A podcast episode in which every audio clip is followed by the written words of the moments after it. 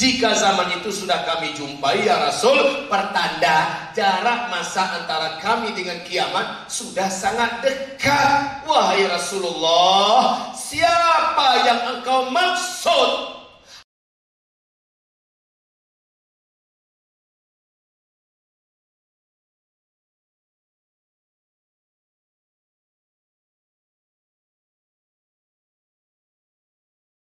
Bismillahirrahmanirrahim. السلام عليكم ورحمة الله وبركاته.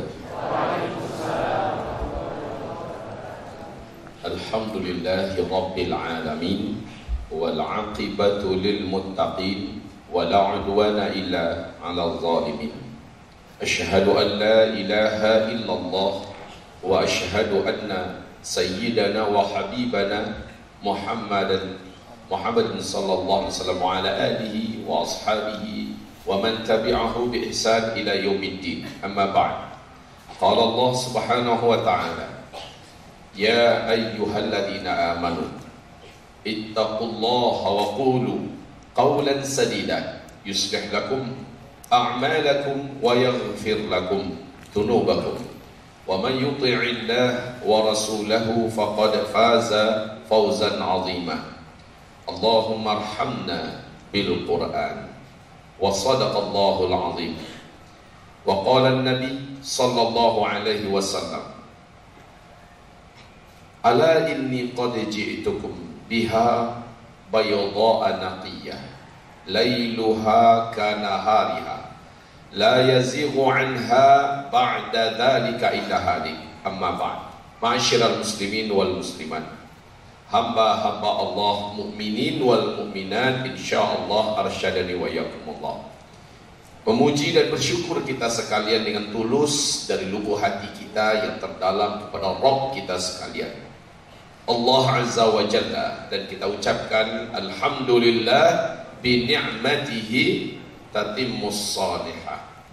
Kemudian kita sama-sama menghadiahkan salawat beserta salam kita untuk asyrafil anbiya wan nabiyyin khataman nabiyyin sayyidul mursalin Muhammadin sallallahu alaihi wasallam Allahumma salli ala hadzal nabi wa ala alihi wa ashabihi wa man tabi'ahu bi ihsan ila yaumiddin amma ba'd Baik ada beberapa permasalahan ilmiah yang perlu kita tekankan dari awal ini.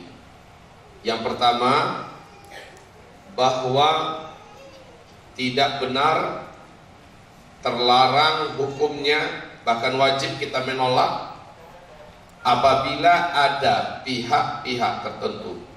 Apakah perorangan apakah organisasi ataukah sebuah aliran berani menyatakan kejadian kiamat akan terjadi tahun sekian atau yang kita istilahkan dengan ramalan kiamat maka akidah kita menolak mentah-mentah. Ini bukan akidahnya ahlus sunnah wal jamaah. Siapa pun yang menyampaikan. Yang kedua Rasul diberi wewenang oleh Allah subhanahu wa ta'ala dengan pengilmuan yang cukup buat beliau Lalu diberi wewenang untuk menyampaikan ilmu itu kepada umat. Tentang apa? Tentang tanda-tanda kiamat. Maka inilah ilmu yang dimiliki oleh Rasulullah Sallallahu Alaihi Wasallam dan ilmu ini yang disampaikan oleh Rasul kepada umatnya. Tujuannya buat apa? Agar umat waspada, agar umat melihat tanda-tanda itu dengan fakta dan fenomena yang ada di permukaan, supaya suasana dan energi iman tentang akhir zaman itu selalu hidup dan terjaga. Jadi kalau mereka punya hadis tentang akhir zaman, mereka lihat fakta, mereka lihat fenomena. Oh ada kecocokan, maka terjaga suasana imannya. Kalau begitu kita sudah dekat. Ini sah, ini boleh, sebab ada kritikan yang tidak mendidik dan menurut saya ini hanya dilakukan oleh para pengadu domba sesama alim ulama, sesama dai sama ustaz. Ada sebuah judul dia buat Ustadz Fulan meluruskan penyimpangan akidah Ustadz Zulkifli Muhammad Ali. Itu dimuatnya. Kemudian saya coba lihat Ustadz itu ceramahnya apa? Ternyata di Bogor. Saya dengarkan dari A sampai Z. Saya catat beberapa catatan yang dianggap penting. Lalu saya ulangi kembali mendengar. Sampai saya dapatkan beberapa kesimpulan pertama. Ustadz itu masih di batas rel-rel ilmiah. Yang kedua, tidak ada satu pencaci makian ataupun yang berkaitan dengan penyebutan nama atau hal yang bisa menjatuhkan dalam bahasa beliau masih sopan. Dan akhirnya saya mengomentari, mentaklik ulang 45 menit saya berikan komentar secara ilmiah. Salah satu yang dikritisi di situ adalah beliau menyampaikan tanpa menyebutkan nama saya, Ustadz itu ya.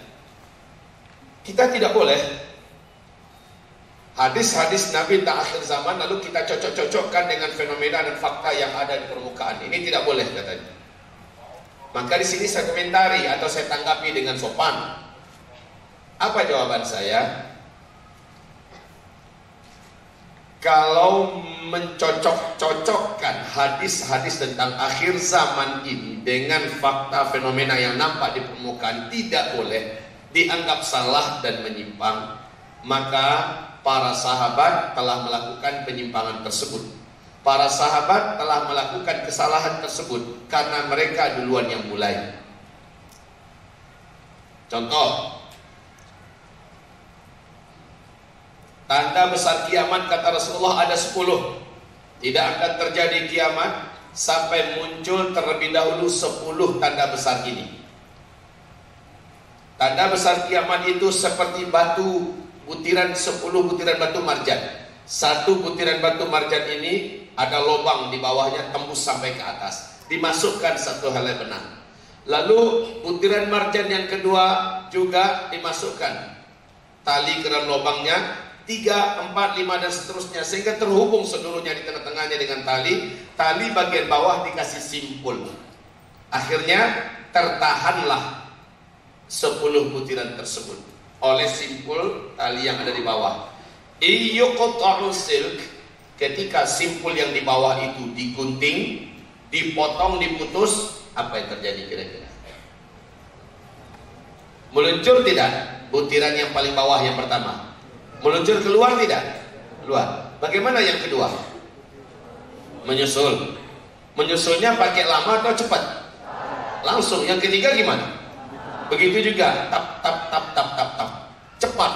Yang pertama, kedua, ketiga, keempat, kelima, keenam, ketujuh, dan seterusnya. Subhanallah, di hadis yang lain, Rasul mengatakan, sepuluh tanda besar kiamat, sehingga malaikat Israfil meniup sangkakala kiamat itu persis dan mirip dengan wanita yang hamil besar yang akan melahirkan. Terjadi sepuluh bukaan.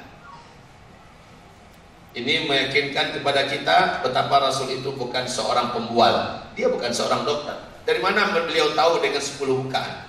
Beliau bukan seorang bidan bukan seorang SPOG dan sebagainya. Dari mana beliau tahu kalau bukan dari Allah Azza wa Jalla? Ada sepuluh bukaan. Apabila bukaan yang pertama terjadi maka akan dilanjutkan dengan bukaan kedua. Paling-paling 5 jam, 6 jam kemudian bukaan kedua. Lalu dari bukaan kedua kepada bukaan ketiga makin dekat nggak jarak waktunya? Makin dekat. Paling-paling hanya 3 jam atau 2 jam bukaan kedua, bukaan ketiga. Bukaan ketiga ke bukaan keempat lebih dekat lagi dan begitulah seterusnya. Bapak, inilah ungkapan Rasulullah 10 tanda besar kiamat itu kalau yang pertama sudah muncul, yang kedua akan menyusul dan waktunya nggak lama. Yang ketiga lebih cepat lagi jaraknya. Yang keempat jauh lebih cepat lagi. Nah sekarang tanda besar kiamat yang pertama itu adalah dukhon.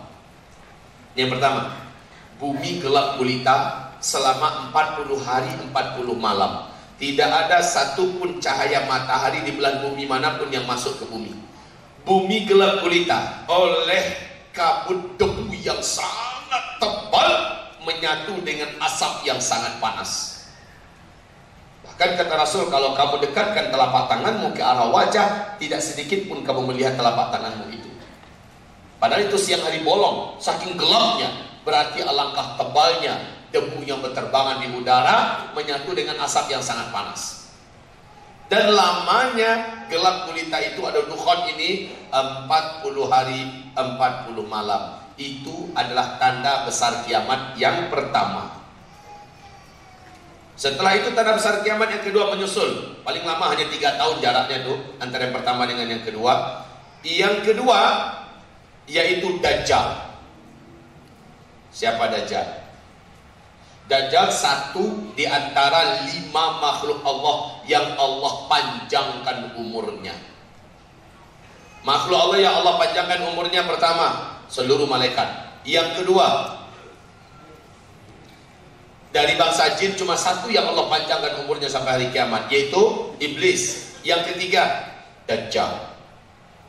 Yang keempat Ya'juj dan Ma'juj.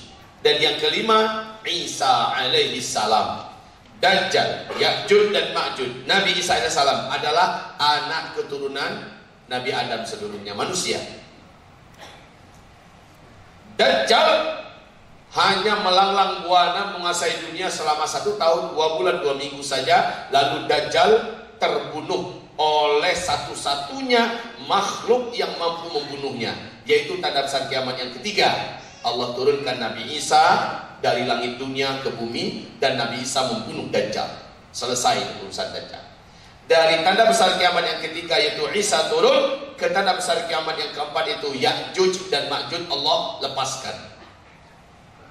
Ya'juj dan Ma'juj ini tidak ada yang sanggup melawannya. Satu pun makhluk yang ada di bumi takkan sanggup melawan Ya'juj dan Ma'juj karena jumlah mereka sangat banyak. Ini kira-kira ada seribuan orang nggak? ada seribu orang. Oke, okay. kata Rasulullah SAW, dalam seribu orang manusia, cuma satu yang kalian. 999-nya ketika Ya'juj dan Ma'juj lepas adalah Ya'juj dan Ma'juj. Bayangkan, dalam seribu orang, cuma satu orang yang kita. Anggaplah saya manusia biasa, dan yang lain Ya'juj Ma'juj. Eh, jangan tersinggung. Ini hanya anggaplah. Disuruh saya melawan mereka, tidak akan mampu saya melawan tidak akan mampu. Jadi saudara-saudaraku, Ya'juj dan Ma'juj ini langsung Allah yang membinasakan mereka dengan doa Nabi Isa alaihissalam. Maka jarak antara Nabi Isa dengan Ya'juj dan Ma'juj lepas hanya hitungan beberapa bulan saja. Habis Ya'juj dan Ma'juj. Terjadilah tanda besar kiamat yang kelima yaitu matahari terbit dari sebelah barat. Dan itu kejadiannya hanya satu kali saja, bukan tiap hari seterusnya. Tidak. Setelah terbit dari sebelah barat hanya satu kali saja. Pas pertengahan di atas balik kembali ke sebelah barat tenggelam seperti biasa. Besoknya terbit seperti biasa di sebelah timur. Setelah itu tanda besar tanda besar kiamat yang keenam menyusul. Allah keluarkan dari dalam perut bumi seekor binatang raksasa yang sangat besar, berkaki banyak, bertangan banyak, dan dapat berbicara dengan manusia dengan bahasa apa saja. Binatang ini ramah, bukan binatang brutal seperti dalam film Pacific Rim.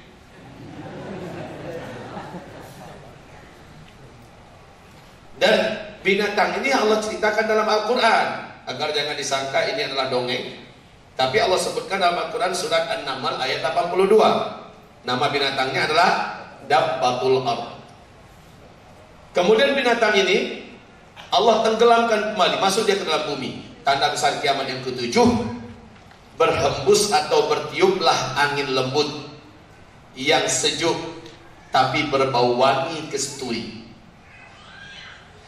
Angin lembut ini bersumbernya dari timur kata Rasulullah. Di hadis yang lain dari Yaman.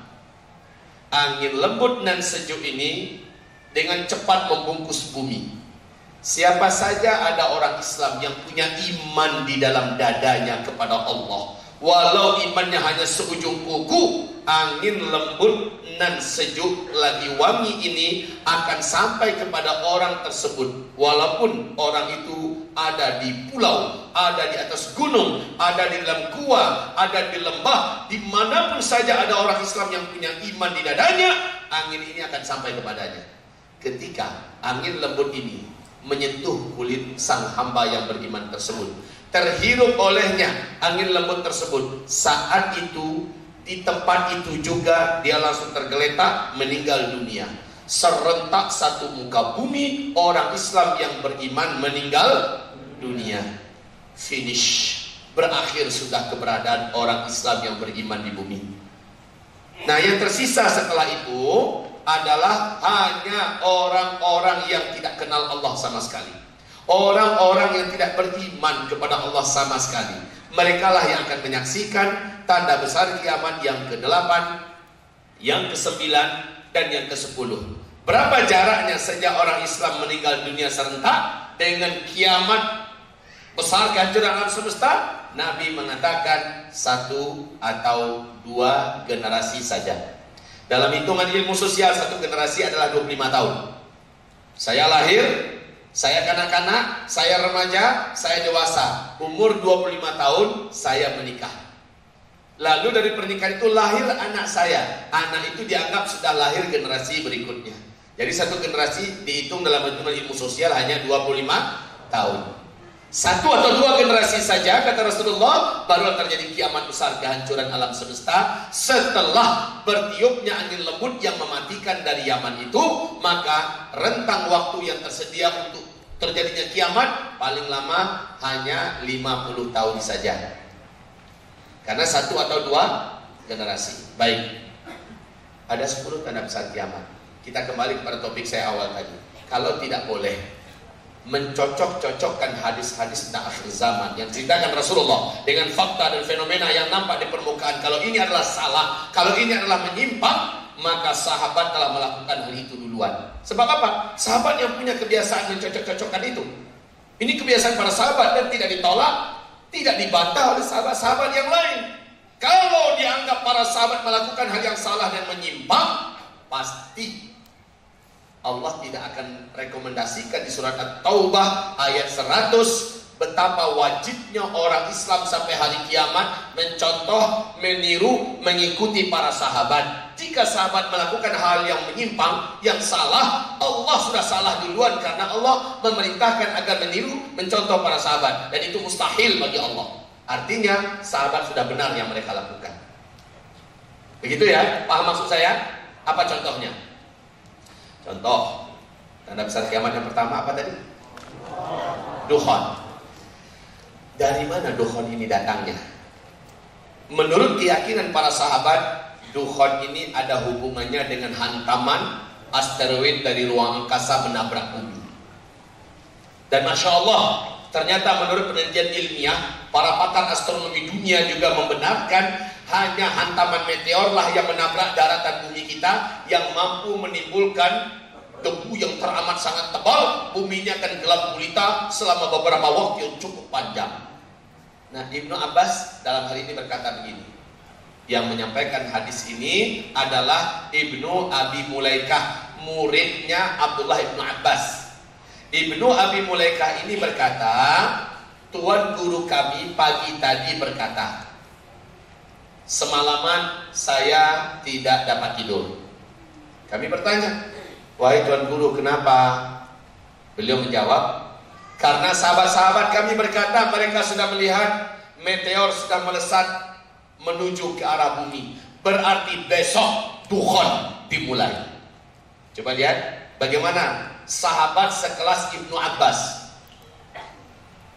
mencocokkan fenomena alam yang nampak yaitu berupa meteor melesat mendekati bumi dengan kejadian Tuhan. Tuhan itu tanda besar kiamat. Lalu semalaman beliau tidak bisa tidur. Beliau sibuk berzikir, menangis, berdoa, memohon perlindungan dan keselamatan. Istighfar, istighfar, salat dan salat. Dan hal yang dialami oleh Ibn Abbas, sahabat-sahabat yang lain juga pada malam yang sama melakukan kesibukan yang panjang di atas sajadah. Hadis ini sanadnya jahit dari Ibnu Jarir. Jadi kalau seandainya dari Ibnu Abbas itu yakin bahwa meteor ini hubungannya dengan Tuhan, Tuhan besok dimulai. Walaupun akhirnya salah, ternyata mereka sudah punya kebiasaan atau memulai kebiasaan mencocok-cocokkan fenomena ilmiah yang nampak di permukaan fenomena alam yang ada di permukaan dengan hadis tentang akhir zaman dan ini tidak disalahkan, tidak dibantah oleh para sahabat yang lain. Ini contoh pertama. Tanda besar kiamat yang kedua apa namanya? Lepasnya Dajjal. Sebentar. Siapa Dajjal? Jangan tebak-tebak. Dajjal adalah manusia keturunan Nabi Adam alaihissalam, seorang laki-laki. Posturnya sangat kokoh dan kekal Wajahnya begini, rambutnya begini, tingginya begini kata Rasulullah, matanya begini dirinci oleh Rasulullah sallallahu alaihi wasallam. Tapi kemampuannya ini yang dahsyat. Kemampuan Dajjal ini akan mampu menjadikan seluruh ahli-ahli sihir yang paling ulung di muka bumi, dukun-dukun satu muka bumi, sujud kepada Dajjal, menyembah Dajjal dan bahkan setan-setan satu bumi pun akan tunduk dan siap menjadi pengikut bala tentara-bala tentaranya Dajjal. Setan satu muka bumi. Setan Bandung. Setan Jabodetabek. Sejabodetabek. Setan sejawa Tengah, setan sejawa Timur, setan sejawa. Setan se Sumatera, setan se Kalimantan, setan se Sulawesi, setan setan pula setan se-Amerika, setan se-Afrika, seluruh setan satu muka bumi akan tunduk kepada Dajjal. Bisa bayangkan kemampuan yang dimiliki oleh makhluk satu ini.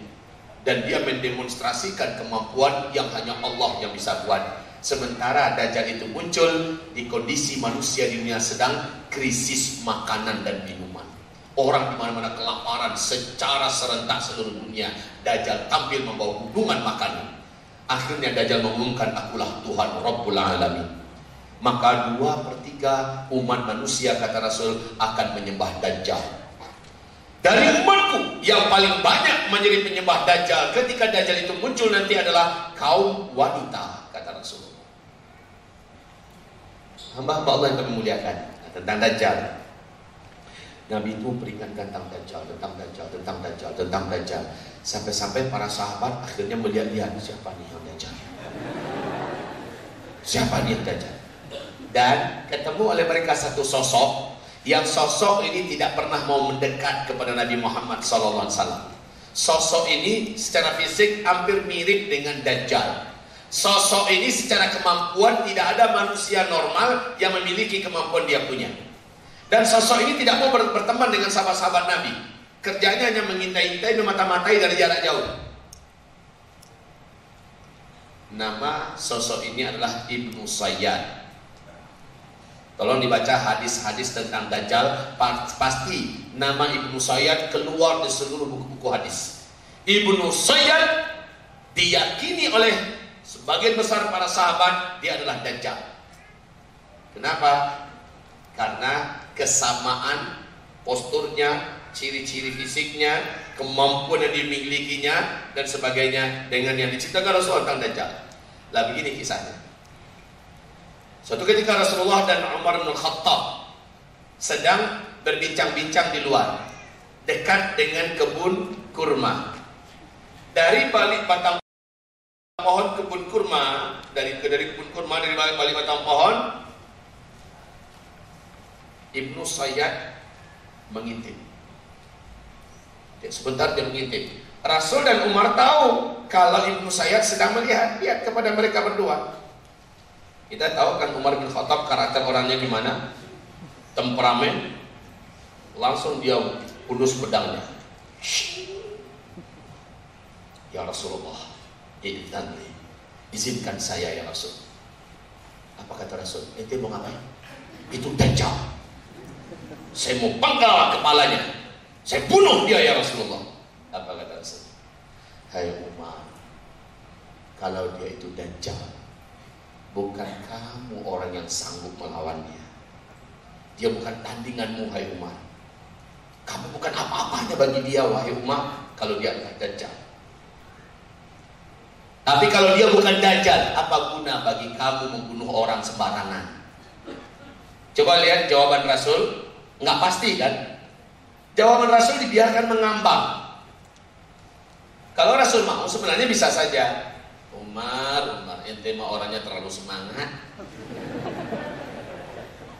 Eh, Dajjal itu nanti di akhir zaman munculnya. Kan Nabi gak gitu bahasanya. Umar itu nanti, eh, Dajjal itu nanti di akhir zaman. Yang bisa membunuhnya cuma Nabi Isa. Tapi Nabi gak gitu. Bahasa Nabi kalau dia memang Dajjal bukan kamu orang yang sanggup melawan dia.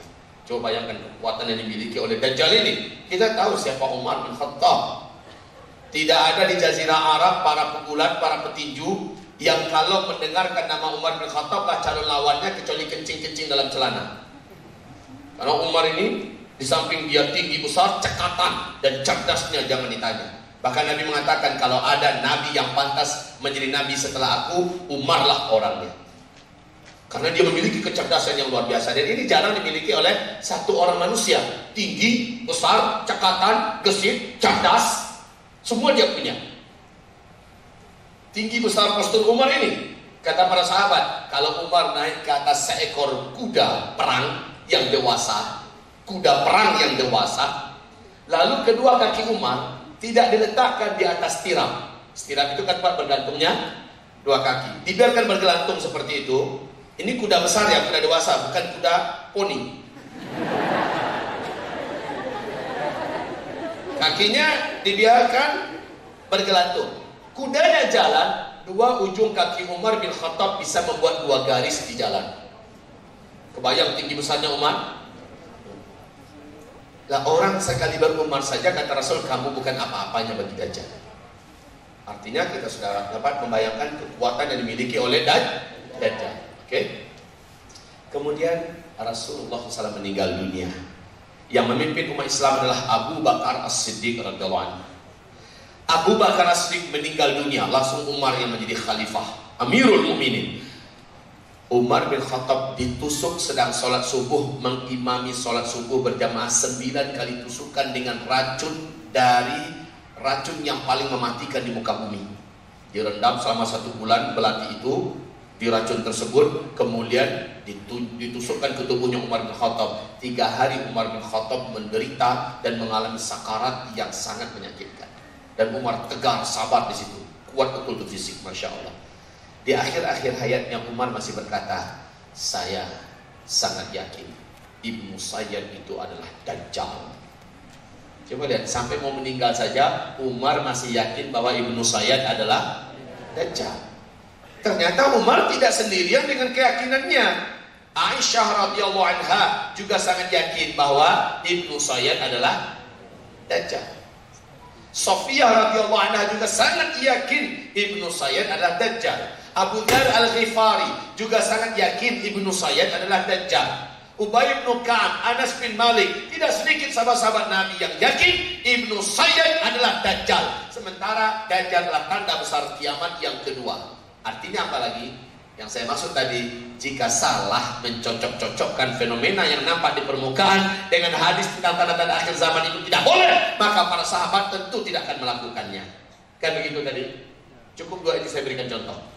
Agar kita habis ini mempunyai memiliki keberanian untuk mencocok-cocokkan, tetapi memastikan yang nggak boleh. Ah ini benar, jangan pastikan. Ini pasti dajjal. Dalam artian, ini besok pasti dukhon. Ya kan? Apalagi melihat ada orang yang punya kemiripan dengan Dajjal. Kamu pasti Dajjal. Baik. Sekarang saya akan sampaikan. Menurut uh, informasi yang saya dengar, ini full full version. Waduh. Saya nggak jamin selesai kecuali kalau saya press press press press biasanya ini full version ini sahabatku adalah dua hari ini baru full version dari pagi jam 8 sampai selesai jam 5 besok dari pagi jam 8 sampai selesai jam 5 dua hari insya Allah full. Itu pun baru 80% tapi jadilah. Kalau sekarang dikatakan full persen saya senyum-senyum aja.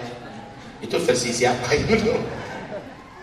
Artinya saya akan coba memberikan pengantar semampunya atau saya padatkan semuanya semampunya. Apalagi ada sesi tanya jawab. Ya maka waktu semakin tidak memungkinkan untuk mempersembahkan semuanya secara utuh dalam sampai jam berapa kita insya Allah sampai jam 17.30 ya. Yang agak cerdas itu maaf ya ini bukan bukan kurang cerdas. Yang pinter itu di Kalimantan saya diundang.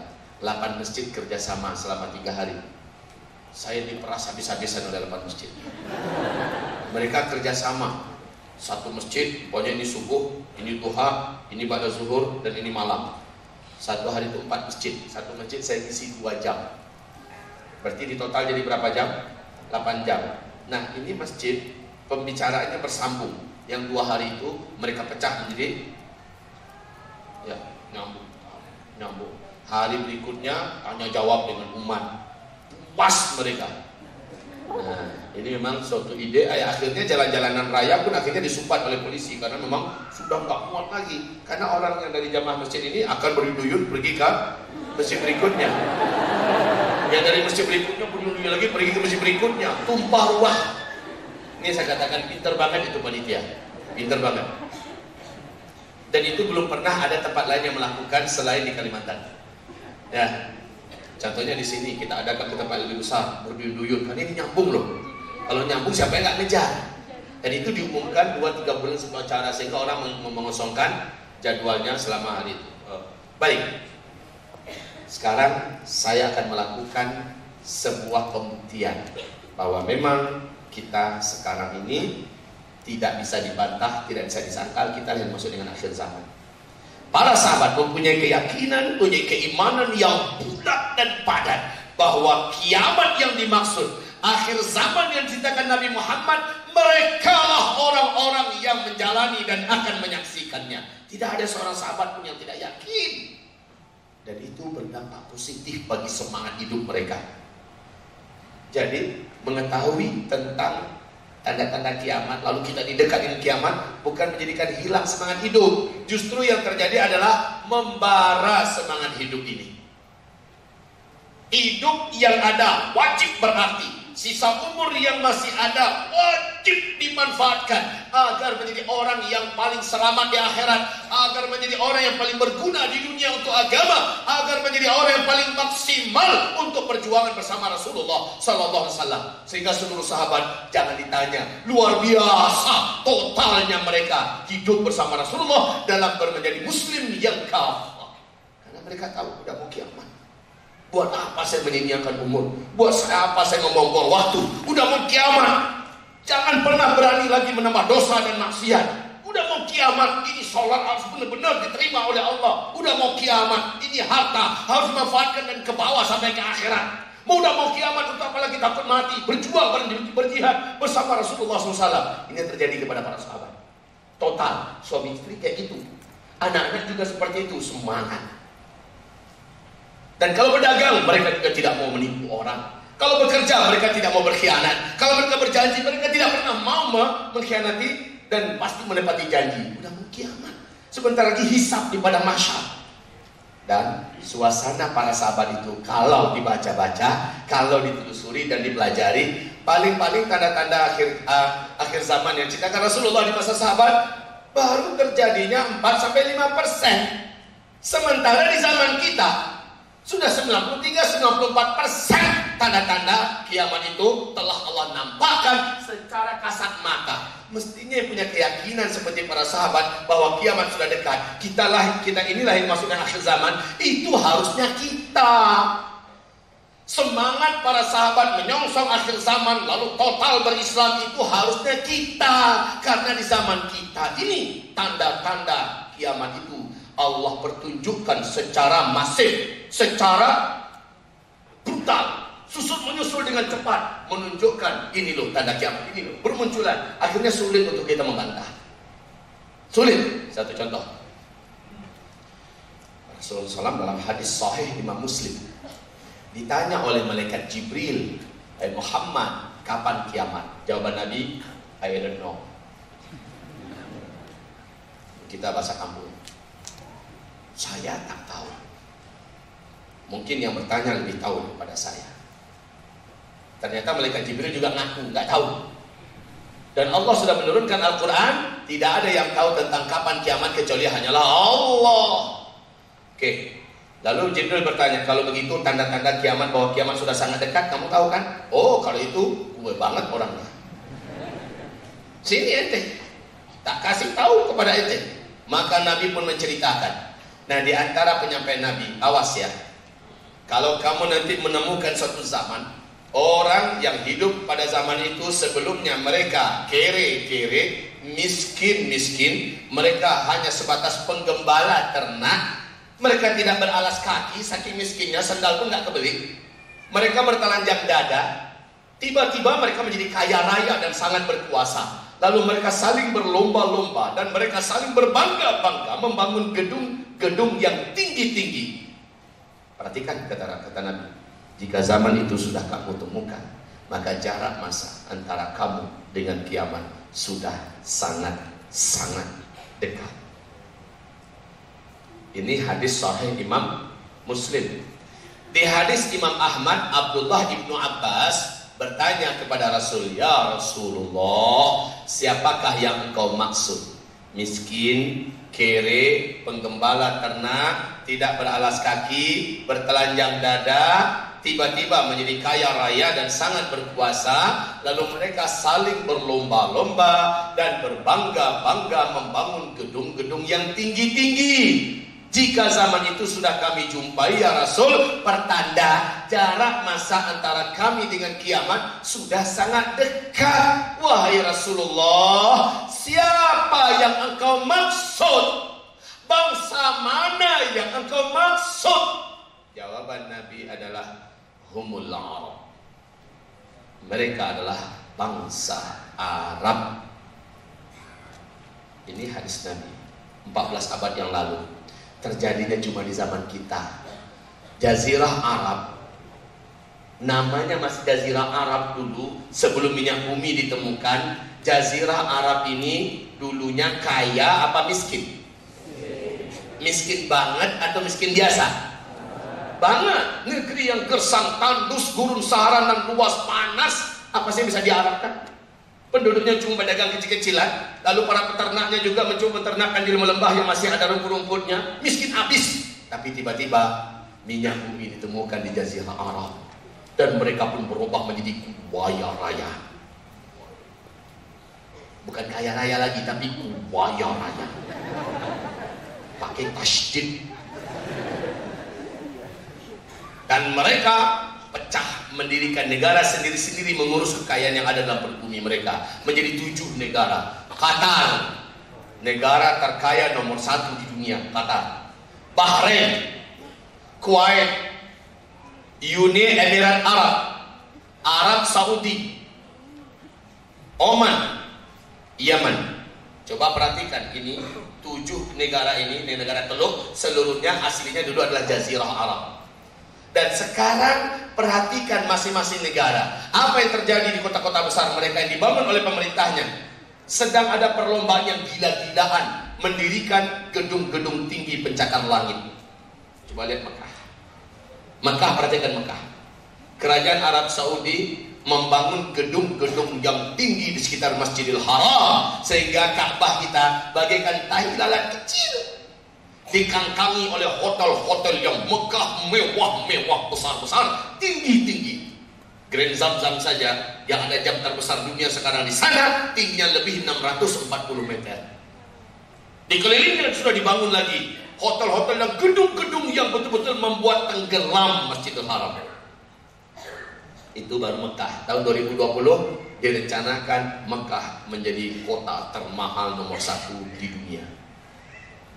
Medina Al Munawwarah sampai sekarang berlanjut pembangunan. Coba lihat apa yang dibuat oleh kerajaan Arab Saudi sekitar Masjid Nabawi, hotel-hotel bintang 5 yang tinggi-tinggi megah-megah. Sehingga kayak hilang pemandangan Masjid Nabawi kalau kita baru masuk kota Medina. Nggak nampak lagi Masjid Nabawi. Dikerubungi oleh hotel-hotel mewah-mewah. Riyadh ketika Raja Abdullah masih hidup, Pangeran Salman diangkat menjadi gubernur di ibu kota Arab Saudi ini Riyadh Riyadh langsung disulap menjadi kota metropolitan ala Eropa Jeddah menjadi kota perdagangan dan persimpangan Timur Tengah dengan ciri khas kemajuan pembangunan dan gedung-gedung tinggi pencakar langitnya. Ini baru Arab Saudi ya. Coba lihat negara sebelahnya Kuwait. Masya Allah, kota-kota besar di Eropa minder dengan Kuwait sekarang. Kemajuan pembangunan di Kuwait, Allah Allah. Saya dapat undangan ke Doha, ibu kotanya Qatar. 2017 bulan Ramadan, saya memberikan kajian 10 hari di sana. Ke Doha saya melotot melihat nggak percaya. Ini Arab apa bukan? Pembangunannya keren banget. Saya sampai selfie selfie. Jarang-jarang saya begitu. Udah paling malu. Lalu saya berikan komentar ini Doha ternyata Doha belum apa-apanya dibandingkan dengan Bahrain Bahrain dianggap sebagai salah satu surga dunia dan Bahrain harus mengaku kalah dengan Uni Emirat Arab. Abu Dhabi ini dinobatkan sebagai kota terlengkap termewah surganya dunia adalah Abu Abu Dhabi. Segala jenis kecanggihan, segala jenis kehebatan, kemodernan, teknologi semuanya lengkap di Abu Dhabi. Dan gedung-gedungnya Masya Allah. Kalau pergi umroh, sengajakan naik pesawat Uni Emirat Arab. Sengajakan transit yang ambil di atas 10 jam transitnya. Supaya diajak jalan-jalan keliling Abu Dhabi. Gratis. Lihat. Tapi Abu Dhabi harus mengaku kalah dengan kota di sebelahnya Dubai. Pemegang pemegang rekor gedung tertinggi nomor satu di dunia bukan Tokyo bukan Hong Kong bukan Sydney bukan Melbourne, bukan mana-mana kota betul-betul besar dunia, tapi Dubai. Burj Khalifah masih memegang rekor gedung tertinggi nomor satu di dunia. Pernah langsung melihat Burj Khalifah belum? Belum ya?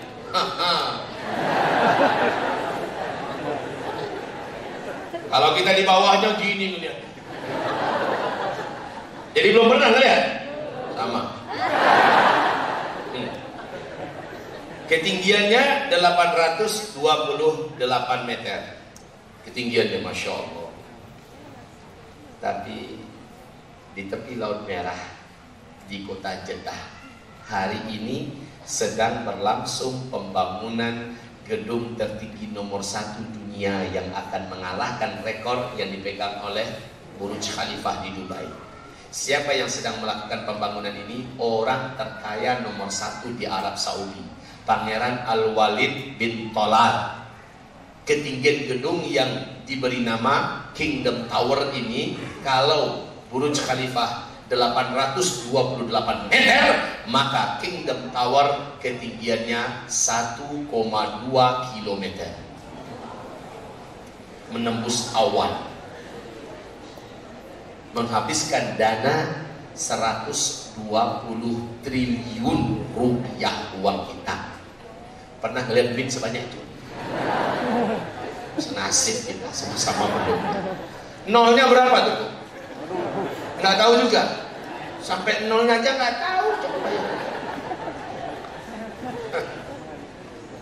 Dan kalau nggak terjadi penangkapan besar-besaran kemarin ini, maka direncanakan 2018 ini selesai. Tapi 7 November 2017 Pangeran Muhammad bin Salman melakukan penangkapan besar-besaran termasuk yang kena tangkap adalah Pangeran Al-Walid bin Talal sehingga terganggulah proyek pembangunan besar yang terjadi di tepi Laut Merah di kota Jeddah ini sehingga dimolorkan di tahun 2020 selesai. Sudahkah selesai perlombaan ini? Eh belum. Kuwait baru saja mengumumkan akan mendirikan gedung juga di atas satu kilometer. Ini Kuwait. Muhammad bin Salman sendiri lebih gila lagi. Punya rencana membangun sebuah kota tercanggih nomor satu di dunia. Di tepi Laut Merah juga. Berbatasan dengan Yordania, Palestina. Kota ini diberi nama dengan kota Neom. Yang akan menghabiskan dana 6.600 lebih triliun rupiah uang kita onde mande 2018 Dulu mereka kere, miskin, penggembala ternak, tiba-tiba menjadi kaya raya, lalu saling berlomba-lomba dan berbangga-bangga membangun gedung-gedung yang tinggi-tinggi. Jika zaman itu sudah kalian temukan kata Rasulullah, maka jarak masa antara kalian dengan kiamat sudah sangat-sangat dekat. Oke, bisa dibantah ini tidak? Ada yang mencoba ingin membantah? Allah itu kebetulan Pak Ustadz kalau ada tipe-tipe orang kayak gitu, itu kebetulan tuh Pak Ustaz. Oke, saya tambahkan lagi satu contoh berikut dan ini juga tidak bisa dibantah.